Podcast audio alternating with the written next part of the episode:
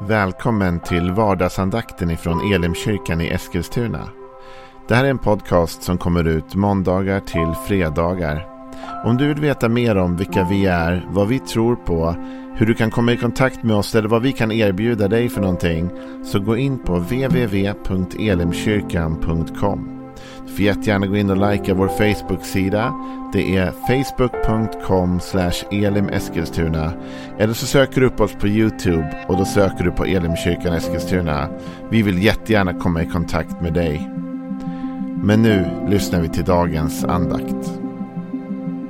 Välkommen till vardagsandakten. Jag heter Joel Backman. Jag är pastor i Elimkyrkan i Eskilstuna och har förmånen att få dela några tankar ur Bibeln med dig idag. Vi har haft en liten längre serie som handlar om psalm 20. En psaltarpsalm som är skriven av kung David. Och idag ska vi avrunda den psalmen med de sista orden där som David väljer att uttrycka. Det här är ju en psalm som har fått rubriken En bön för Herrens mode. Och det handlar ju om de som på ett särskilt sätt hade ställt sig i tjänst för Gud. Som var utvalda av Gud och som nu valde att ge sina liv då för att tjäna honom genom att tjäna folket. Det var prästen, profeten, kungen. De här blev smorda med olja som en symbol på att Gud hade utvalt dem. Men också en symbol på att Guds ande var med dem. Att de hade kraft och förmåga att tjäna honom. I slutet av den här Psaltarpsalmen nu så har vi kommit fram till den sista tionde versen. Och den är ganska kort. Den lyder så här. Herre fräls. Må kungen svara oss när vi ropar. Herre fräls, må kungen svara oss när vi ropar. Det här är ju inte kraftlösa människor det handlar om. Alltså när vi läser om, om profeten, om prästen och om kungen så var det här statusmänniskor på ett sätt. Profeten kunde vara föraktad. Han kunde vara absolut eh, att många såg ner på profeten.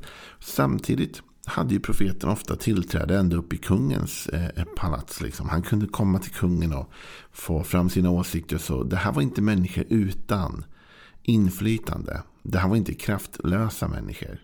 Och när Guds ande var över dem så hade de dessutom då gudomlig kraft och hjälp från honom. Men ändå så säger David vad? Herre fräls. Må kungen svara oss när vi ropar. Ska vi stanna upp vid detta? Herre, fräls. Alltså David som har så mycket möjlighet själva. Han har en armé till sitt förfogande för han är ju kung. Han har pengar och rikedom till sitt förfogande. Han har så mycket för sig. Och ändå så vänder han sin räddningsbön inte till sig själv. Utan till Gud. Han kunde ju ha sagt det här kommer jag reda ut och det här kommer jag lösa. Utan han pekar uppåt. va. Och det här blir utmaningen för dig och mig i vårt liv hela tiden. Att ju bättre det går för oss, inte glömma bort att vår räddning är inte i oss själva och vår trygghet är inte i oss själva. Utan vår trygghet, vår räddning, vårt hopp står till Gud. Det här var det som hela tiden gick fel i Israels historia. För att när det gick dåligt för Israel, ja, då vände de sig till Gud och då ropade de och bad dem om hjälp.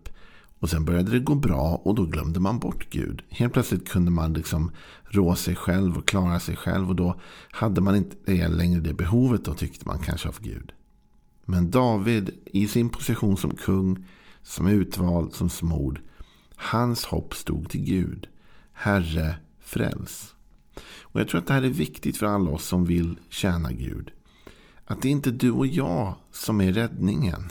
Alltså vi har en uppgift. Och Gud använder oss på olika sätt att tjäna honom och tjäna varandra och församlingen. Men vår bön måste alltid ändå vara i alla situationer Herre, fräls. Jag tänker på mig som pastor. Ibland så sitter jag då i min uppgift som kanske själavård. Man kan sitta och prata med någon och man kan uppleva att, att oj, vad svårt det är. Det kanske är en jättejobbig situation eller någonting man inte vet hur man ska hantera. Och min bön måste alltid vara Herre fräls. Det är inte jag som kan reda ut alla människors utmaningar eller problem eller ha svaren på alla människors frågor. Men Jesus kan. Herre, fräls den här personen jag just nu försöker prata med, hjälpa, stödja. Eller i en förbönssituation. Någon kommer fram och kanske är sjuk och behöver hjälp att få hälsa och annat då är ju inte min bön Joel, eh, gör något. Vad ska jag göra? Utan jag kan lägga händerna på den här personen och jag kan be. Men sen blir ju vår gemensamma bön egentligen Herre fräls. Alltså med andra ord, kraften kommer ju inte från mig. Jag är ett verktyg för Gud. Den som tjänar Gud kommer bli använd av Gud, absolut. Och det kan ju vara så att det är när jag lägger handen på någon som de blir frisk. Eller det kan ju vara så att i ett själavårdssamtal med någon så, så känner den personen att den får hjälp och stöd av något jag sa eller gjorde. Men all kraft, all förmåga, all hjälp kommer ytterst sett från Gud. Det är Herren som frälser. Det är Herren som räddar. Och vet du, de tidiga apostlarna de sa det till och med så här. Hos inget annat namn under himlen liksom, eller på jorden finns det en frälsning utom hos Jesus. Så vi vet vart vi pekar. Vi pekar alltid på Jesus. Det är från honom räddningen kommer. Och vad du än har för uppgift och vad du än liksom känner dig kallad till. Så är det så att frälsningen ska komma kanske genom dig men inte från dig. Utan den kommer från Gud. Du kan få vara kanalen, absolut. Men frälsningen kommer alltid ifrån Herren. Så du och jag, vi blir bara redskap som Gud använder. Och det kan ta bort lite av bördan också ibland. För man kan känna så här, men vad kan jag göra i den här situationen? Ja, faktum är att kanske din möjlighet är begränsad. Du kan inte göra eh, förändring i alla lägen. Du kan inte påverka allt. Men du kan göra det Gud har bett dig göra. Och sen så får han komma med frälsningen, med räddningen. Sen finns det en liten intressant översättning här. Det första David säger det är ju egentligen, han ropar ut en proklamation. Herre fräls. Det är liksom hans. Gud, du måste vara den som räddar. Sen säger han så här. Må kungen svara oss när vi ropar. Men det finns ett annat sätt att översätta det här på också. För det här är ju inte skrivet på svenska. Utan en annan eh, rimlig översättning är detta. Herre, fräls kungen. Och sen kommer det. Må han svara när vi ropar. Och det är väldigt olika syftnings, eh, syftning i de här översättningarna. I den ena kan det vara må kungen svara oss i som att liksom må Gud vara den som svarar oss, då, kungen, när vi ropar till honom.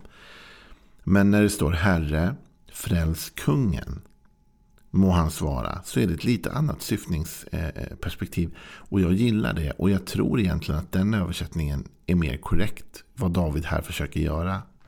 Därför det här är ju en bön för Herrens smorde, eller hur? Och kungen var ju en av Herrens smorde. Det var ju David själv. Han var ju faktiskt kung i Israel. Herre, fräls kungen. Så här är det en bön. va? Även om du och jag har en uppgift. Så, och Gud frälser genom oss. Han verkar genom oss. Så måste han också frälsa oss och rädda oss. Alltså vi är beroende av hans hjälp. Vi ger hjälp men vi måste också ta emot hjälp från honom. Herre, fräls kungen. Och det är något väldigt sunt över Davids agerande här.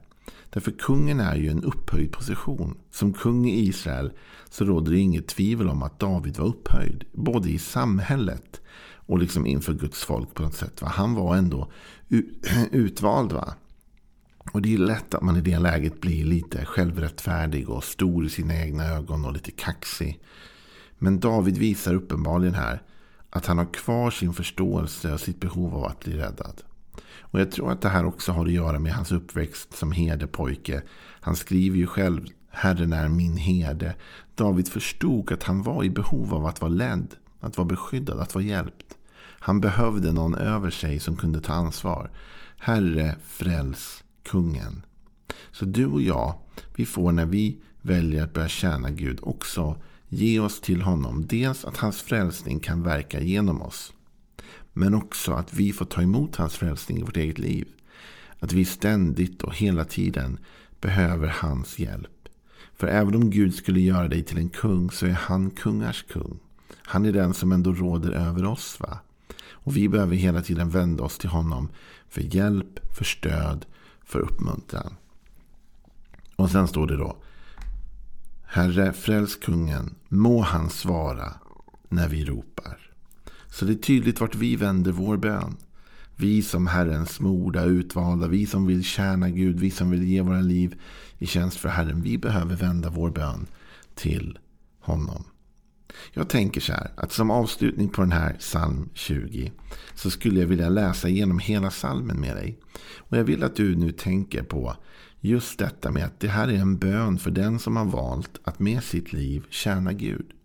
Det här är en bön som David ber för de som hade valt den inriktningen i livet. Som hade sagt oavsett vad jag jobbar med, vilken uppgift jag än har, så vill jag med mitt liv stå i tjänst för Gud. Och då lyder bönen så här. För körledaren en psalm av David. Må Herren svara dig på nödens dag. Må Jakobs Guds namn bevara dig. Må han sända dig hjälp från helgedomen och stödja dig från Sion. Må han minnas alla dina offer och ta emot dina brännoffer med välbehag, Sela. Må han ge dig vad ditt hjärta önskar och fullborda alla dina planer. Vi ska jubla över din frälsning och lyfta baneret i vår Guds namn. Må Herren uppfylla alla dina böner. Nu vet jag att Herren frälser sin smorde. Han svarar honom från sin heliga himmel med sin högra hands frälsande storverk. Vissa prisar vagnar och andra hästar, men vi prisar Herren vår Guds namn. De sjunker ner och faller, men vi reser oss och står raka.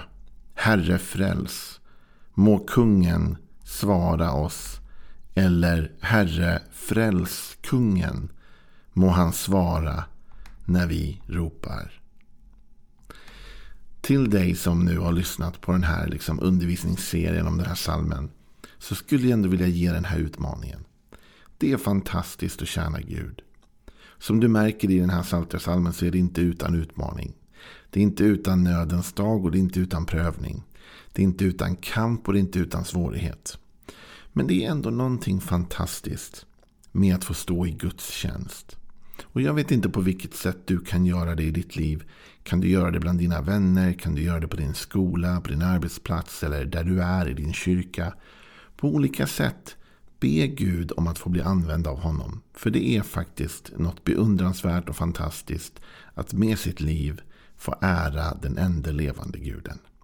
Ha en välsignad dag idag. Vi kommer byta lite fokus här nu i morgon och framåt. Men Tack för att du har lyssnat till den här serien. Och om du inte har hört de andra genomgångarna av psalm 20 så ligger de ju kvar. Det är bara att gå upp på elimkyrkan.com och kolla där. Ha en välsignad dag. Hej då.